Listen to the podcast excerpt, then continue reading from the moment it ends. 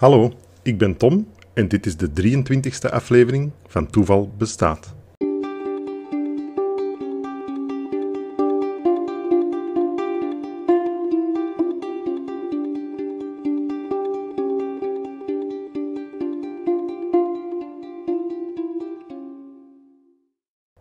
Ziezo, het is gelukt. Aflevering 23 staat online.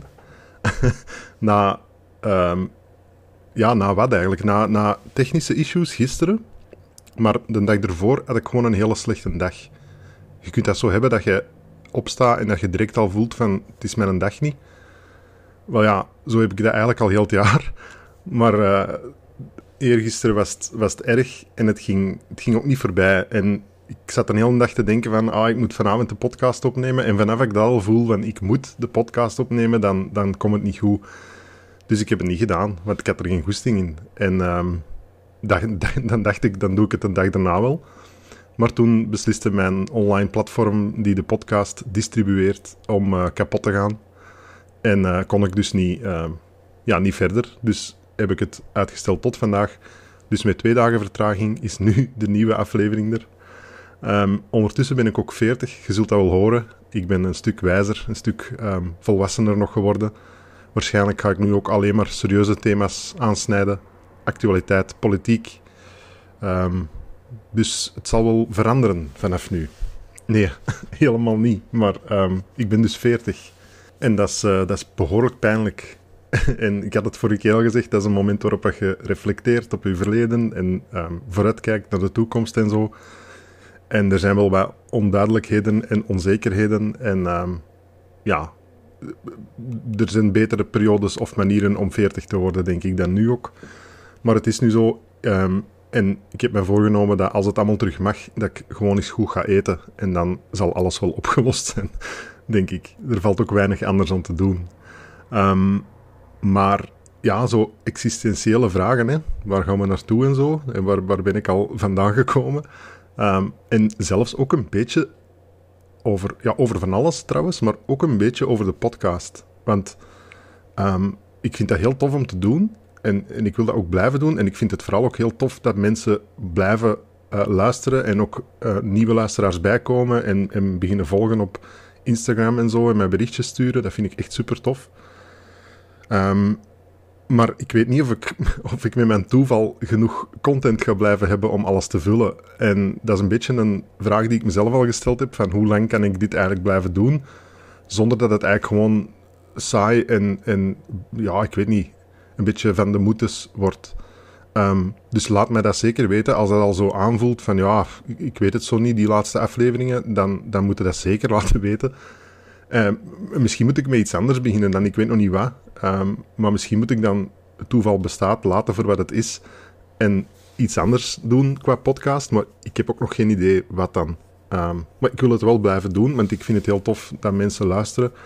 Maar ik heb ook het gevoel dat mensen ook luisteren. Dat, dat, klinkt nu heel uh, narcistisch en zo, maar een deel wel omdat, omdat ik het ben. En niet per se om wat ik allemaal vertel. Allee, hopelijk ook wel een stukje dat. Maar ja, je snapt wel wat ik bedoel, denk Dus misschien kan ik wel iets anders doen. Ik weet totaal niet wat, maar we zien wel. Maar als er ideeën zijn, laat ze zeker weten. Ik ben trouwens vorige keer vergeten te zeggen um, dat je mij kunt volgen op Facebook via Toeval Bestaat-podcast. Je kunt mij ook op Instagram volgen, Toeval Bestaat Podcast, allemaal aan elkaar. En dan uh, kunt je mij ook nog altijd mailen, toevalbestaatpodcast.gmail.com. Normaal gezien doe ik dat op het einde, maar aangezien ik dat vorige keer vergeten was, gooi ik het er nu al maar tussenin. Um, ook omdat er mensen gewoon soms nu nog inhaken. Um, dus welkom als je nu pas voor de eerste keer luistert. Um, dan ga ik u nu ook al meteen meegeven dat ik heel weinig structuur heb. Ik heb dat ook op, op ik weet niet meer, op Twitter of zo heb ik dat gezet, denk ik. Dat ik heel vaak de weken voor ik de podcast ga opnemen, denk ik van, ah ja, dat wil ik eigenlijk vertellen. En dan gebeurt er iets in de, in de media of zo, waar ik denk van, ah ja, daar wil ik misschien ook wel iets over zeggen. Um, niet per se allemaal over toeval, maar gewoon iets wat ik dan wil zeggen of zo. En dan tegen dat zover is, ben ik dat allemaal vergeten. Want ik vergeet het dan natuurlijk op te schrijven, want dan denk ik, ah ja, ik onthoud dat wel. Ja, absoluut niet, hè. Dus als je 40 wordt, dan moet je die illusie ook loslaten, denk ik, dat je alles nog kunt onthouden. Dus bij deze um, nog maar eens zeggen dat er weinig structuur in zit en dat ik het vooral nu moet hebben ook van jullie verhalen. Hè. Dus um, heel blij voor de mensen die blijven dingen insturen, want dat is echt heel belangrijk voor mij, want anders uh, wordt het helemaal uh, moeilijk om dingen te vinden. Dus ik heb natuurlijk weer al wat verhalen om te vertellen, die ga ik direct aan beginnen. Wat wou ik eigenlijk nog zeggen? Misschien gewoon in het algemeen dat het voor veel mensen, denk ik, nu een moeilijke periode is. Die tweede lockdown um, is een pak minder plezant dan de eerste, want het is geen mooi weer en de dagen zijn kort en donker. En um, ja, kerstmis komt eraan en zo, maar dat ziet er ook allemaal niet zo heel vrolijk uit zoals het anders misschien toch wel is. En ik merk gewoon op heel veel vlakken dat mensen ja, niet zo goed in hun vel zitten, denk ik. Dat dat algemeen wel um, duidelijk is. Dus ja, ik weet het niet. Um, probeert wat verdraagzamer te zijn voor elkaar of zo. Ik weet het niet. Maar ik, ik kan me heel hard, heel hard, goh, heel hard ergeren. Praten kan ik ook niet meer. Heel hard ergeren aan um, mensen die zo onverdraagzaam... Ja, er is heel veel onverdraagzaamheid, vind ik. En vooral van mensen die het zelf eigenlijk best goed hebben. En dat, dat snap ik niet goed. En uh, ja, dat wou ik misschien gewoon nog even zeggen. Houd gewoon rekening met andere mensen. En ja, je weet ook nooit wat het verhaal achter andere mensen is. Ook al lijken die misschien wel um, vrolijk en zo, um, is dat niet altijd zo. Dat is heel contradictorisch met wat ik net zei: van dat mensen die het best goed hebben, commentaar hebben op anderen. Want misschien hebben die het helemaal niet zo goed. Maar um, ja, je snapt wel wat ik bedoel. Ik, ik, probeer toch altijd eerst na te denken voor ik iets zeg. En ik heb het gevoel dat minder en minder mensen dat doen. En dat is gevaarlijk, denk ik. En zeker in onzekere tijden zoals nu of zo, ik weet het niet. Um, ik hoorde ook dat de psychologen nog, nog nooit uh, zo'n drukke periode hebben gehad zoals nu. Dat hoorde ik van mijn eigen psycholoog. Dus uh, ja, het zal dan wel. Dus dat zegt, uh, dat zegt ook wel veel. Dus zwart, qua intro kan dat hier al serieus tellen, zie ik. Dus um, ik zal er maar aan beginnen, aan mijn verhaaltjes. Um, ik ga beginnen met een verhaal van Dave. Dave stuurt... Hoi hoi, Dave uit Zoetermeer hier. En hij schrijft er tussen haakjes bij Nederland. Ja, Zoetermeer ligt inderdaad in Nederland. Um, dus zoals ik al zei, er zijn ook meer en meer luisteraars uit Nederland uh, die de podcast beluisteren. Dus welkom en bedankt om uw verhaal in te sturen alvast. Um, hierbij mijn verhaal. Ik was met mijn ouders in 2002 in de meivakantie een week weg naar Turkije. Ik was 11 jaar en in die week speelde Feyenoord, een voetbalclub uit Rotterdam, de finale van de UEFA Cup tegen Borussia Dortmund. Het hotel waar wij verbleven was gelegen aan een boulevard met beneden een openbaar terras en een bar. Hier werd de wedstrijd ook uitgezonden op een scherm. Het enige promotiemateriaal wat de bar had hangen om sfeer te creëren was een vaantje van Nederland. Een vaantje dat is ook zoiets. Dat is een soort vlag of een wimpel. Of hoe heet dat? Iets. ja, zoiets dus. Um, heel Nederlands trouwens, vaantje. Mijn vader, die groot fanaat is van Feyenoord, stelde voor om de boel wat te versieren met wat spullen die we bij ons hadden van de club. Hoezo ga je naar Turkije met spullen van Feyenoord? Ik zal het wel niet snappen, maar oké. Uh, badhanddoeken, shirtjes en zo verder. We hadden zelfs een gebrande CD met liedjes van de club bij ons. Heftige supporters, denk ik dan toch. Binnen no time zat het hele terras vol met Nederlandse Feyenoord-fans. Toen ze uiteindelijk ook nog, allemaal, uh, ook nog hadden gewonnen, werd het helemaal feest. Ze hadden bij de bar in ieder geval een topavond gedraaid. Ja, voilà, zo moet dat dan, hè. Naar Turkije gaan om dan naar het Nederlands voetbal te gaan kijken. Nee, nee, oké. Uh, die zomervakantie van datzelfde jaar gingen we met het gezin zoals gewoonlijk naar een camping.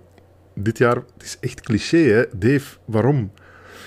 Dit jaar was het een camping in Leersum, zo drie kwartier van ons huis vandaan. Op elke camping maak je altijd wel vriendjes, zo ook dit jaar. Twee weken lang ben ik opgetrokken met één jongen. De interesses lagen bij elkaar. Voetbal, we speelden allebei Pokémon op de Game Boy. Kortom, gezelligheid. Na twee weken hadden we besloten om telefoonnummers uit te wisselen. Dit was de pre-smartphone-era, zodat we later nog eens wat konden afspreken. Dit is nog één of twee keer gebeurd of zo, totdat hij mij een keer belde om te vragen of ik in de meivakantie in Turkije was geweest. Ik bevestigde dat met enige verwarring. Zijn moeder was bij kennissen of familie vakantiefoto's gaan kijken. Ouderwets stapeltje die je moet laten ontwikkelen. ja, die periode dus, toen, toen foto's nog foto's waren. En ze ziet op een van die foto's mij in mijn stoeltje zitten, kijkende naar de wedstrijd waar ik het eerst over had.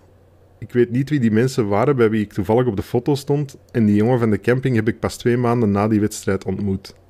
Dus dat is wel heel cool. Dat is een beetje zoals het verhaal van, dat ik in de eerste aflevering denk ik verteld heb van die, van die vader die toevallig mee op de foto stond. Dus uh, ja, cool. Dat je dan op een camping in Nederland iemand leert kennen waar je samen blijkbaar in Turkije een voetbalmatch van Feyenoord mee gekeken hebt. Straf, strafverhaal. Of cool verhaal. Ik weet niet. Uh, in Nederland kennen ze straf niet. Um, maar merci Dave. En uh, hij stuurt nog succes. Bedankt. Dat komt goed, denk ik. Het, uh, het volgende verhaaltje dat ik ben tegengekomen is, heeft met, een videogame te maken. Um, dat gaat over de nieuwe Assassin's Creed game, Assassin's Creed Valhalla. Die ik op mijn nieuwe Xbox aan het spelen ben. waar ik het vorige keer over had. Um, en het gaat erom dat in die game speelt zich grotendeels af in Engeland. Um, in de middeleeuwen met de vikings die naar Engeland komen. En zo verder enzovoort. Allemaal niet zo heel belangrijk. Maar um, er zitten een aantal echte plaatsen in, um, in die game, zoals Londen en zo. Dat zit ook in, in de game um, nagemaakt uit die periode dan. En, maar de meeste dorpen zijn allemaal fictieve plaatsen. Gewoon verzonnen eigenlijk door de ontwikkelaars van de game. En meestal wel gebaseerd op woorden of namen uit die periode van vroeger, maar allemaal fictief verzonnen. Om eigenlijk net te vermijden dat ze historisch uh, onjuiste dingen zouden zeggen over echte plekken. Dus ze, ze verzinnen eigenlijk fictieve dingen. Uh, om zich ook wat in te dekken, denk ik. Maar nu blijkt dat er een plaats is in um, Assassin's Creed Valhalla. En die heet. Uh, hoe heet ze? Ravenstorp? Ravenstorp, ja. dat is een redelijk be belangrijk dorpje in de game. En um, blijkt dat dat echt bestaat. En dat dat ook eigenlijk op, op dezelfde plaats ligt in, in Engeland dan in de game um, dat dorp ook ligt. En dat is echt puur toeval, want die naam Ravenstorp is verzonnen door de ontwikkelaars omdat um, een van de vikings van de Raven clan komt. En dat dorp gewoon um, farmland betekende vroeger. Dus hebben ze gewoon die naam van, dat van die clan gecombineerd met farmland en dan hadden ze Ravenstorp. Blijkt dus dat dat gewoon op de exactzelfde plaats in het echt ook zo'n dorp bestaat. Dus als iemand die game aan het spelen en die kwam erachter van... Oh, mijn dorp zit in de game. Super cool, die post dat op Reddit.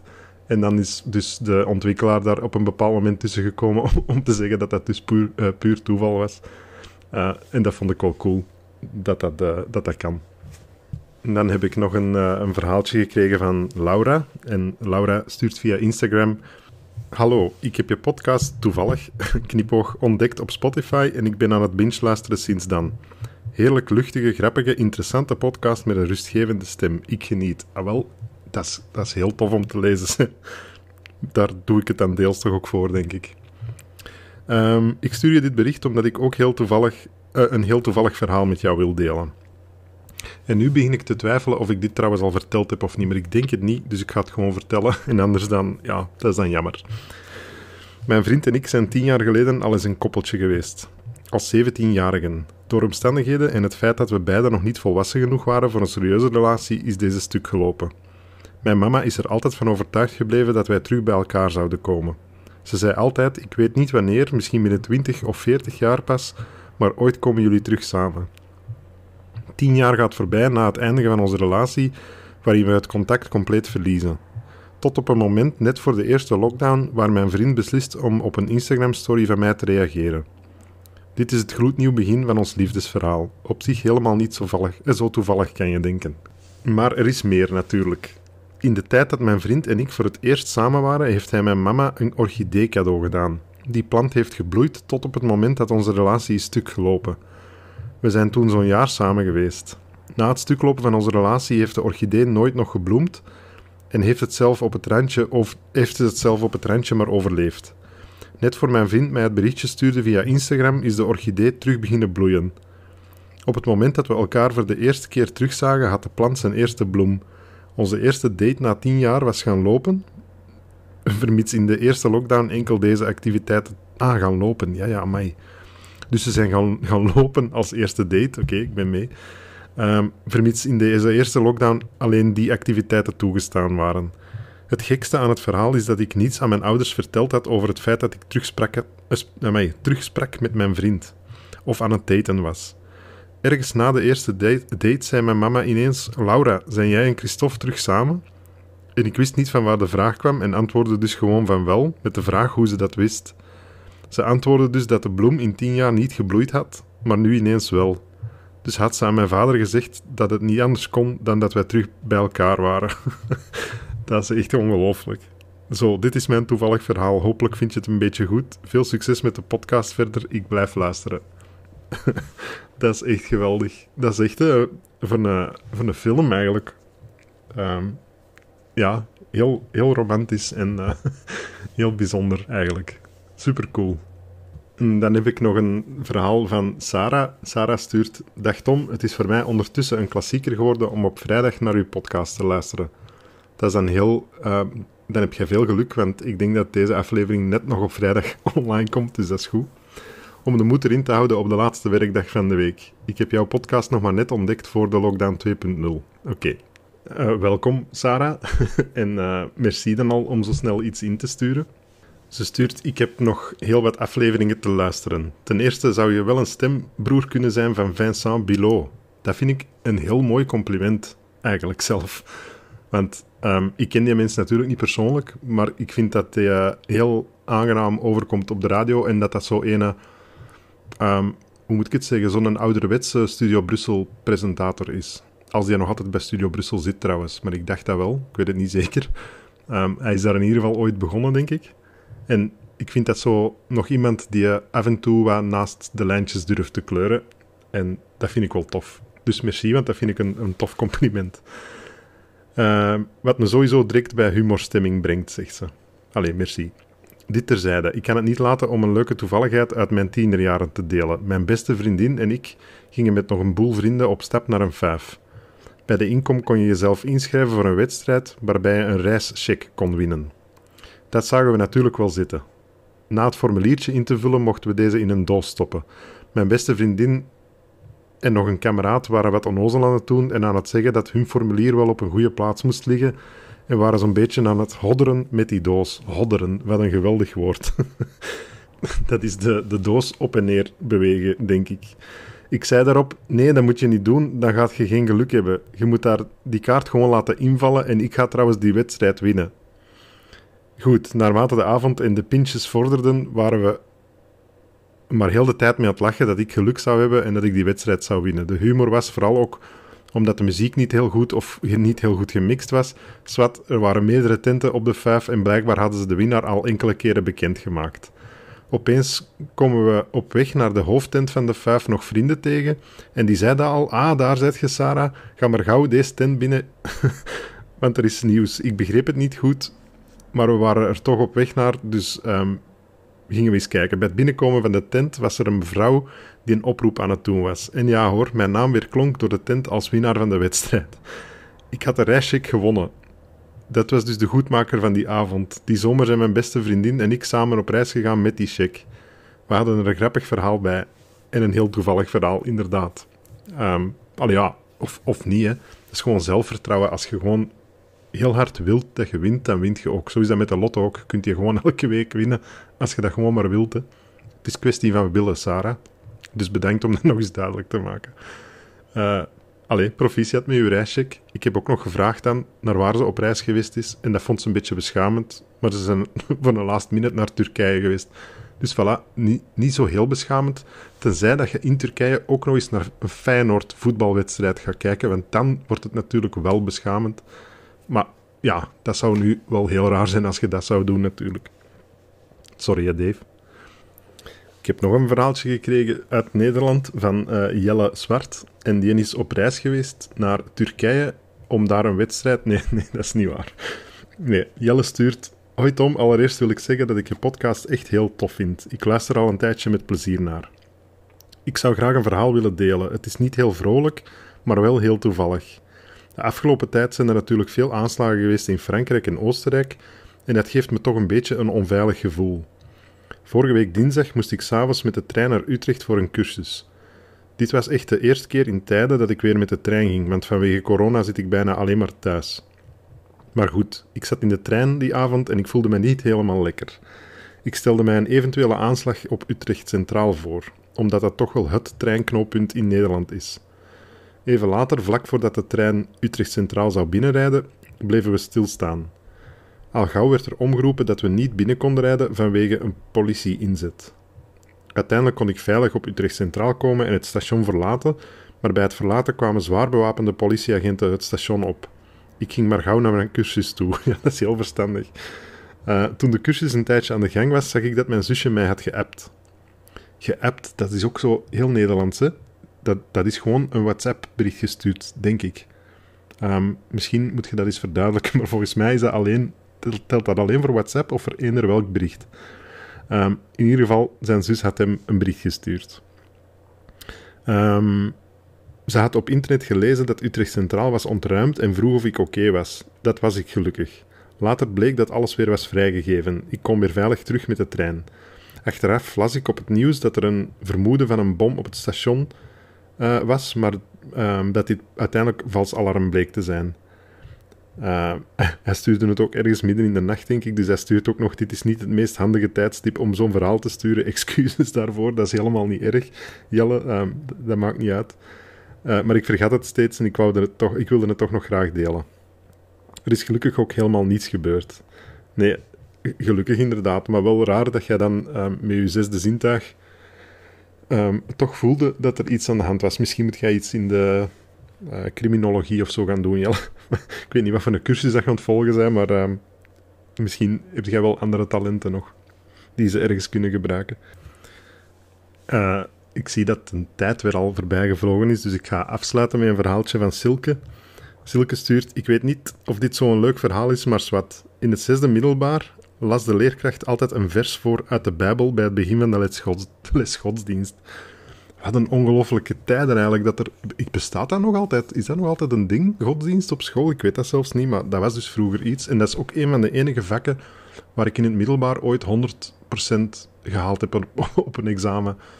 Misschien had ik wel priester moeten worden of zo, wie weet. Um, altijd heel raar gevonden dat dat een vak was waar je dan ook nog eens een examen moest voor afleggen. Dat, dat is heel bizar. Zo van, geloven in God, dat zult al doen, maar je gaat het ook nog eens allemaal van buiten kennen ook. Want, ja, ja, de dag uh, dat hem komt, gaat het moeten weten, hè. Dan gaat hem u vragen stellen over bijbelversen en zo. Geen idee waarom dat, dat nodig is, maar wat. Ze doen maar. Um, dus ze stuurt in het zesde middelbaar las de leerkracht altijd een vers voor uit de Bijbel bij het begin van de les godsdienst. Ik dacht, weer al, het is maar saai. Ik neem mijn Bijbel, ik sla hem open op een willekeurige pagina en ik lees exact dezelfde vers. Niet alleen op dezelfde pagina, maar dan begin ik ook nog op dezelfde zin te lezen. Dat is zo'n dik boek, ik was echt zo verbaasd en eigenlijk ook wat onder de indruk. Het is misschien maar klein, maar ik denk er soms nog altijd eens aan. dat ze misschien dan toch maar goed je les leren, want dat zijn goddelijke signalen die je daar binnenkrijgt. Um, je moet heel goed opletten als de leerkracht de vers voorleest. Je ziet dat wel. Uh, en dan stuurt ze ook nog, we waren ook eens op reis in Spanje en plots zien we in hetzelfde hotel onze buren zitten. De verbazing op iedereen zijn gezicht. We wisten dat niet van elkaar en plots zie je buren zitten in Spanje. Dat was echt gek. en dan nog een kleintje. Mijn zus en ik waren aan het praten over Stan Lee. Oh, dat gaat zoveel zeer doen als die ooit zou sterven. Dat is die van Marvel, toch? Hè? Ja. Je mag eens raden wat, er de volgende dag hoorde, wat we de volgende dag hoorden op het nieuws. Ja, Stan Lee was dus overleden, waarschijnlijk. Of iets helemaal anders. Dat kan ook, maar dat staat, er staat er eigenlijk niet bij wat ze gehoord hebben op het nieuws. Ik ga ervan uit dat ze gehoord hebben dat Stan Lee overleden is. Want dat is niet zo heel lang geleden gebeurd.